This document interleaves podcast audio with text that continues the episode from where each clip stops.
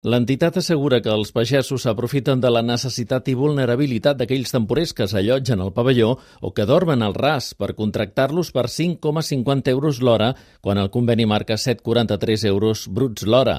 Membres de la plataforma afegeixen que quan han demanat als empresaris perquè no acudeixen a les borses del Servei Català d'Ocupació i d'Unió de Pagesos, els asseguren que han de fer massa paperassa. Gemma Casal, membre de la plataforma.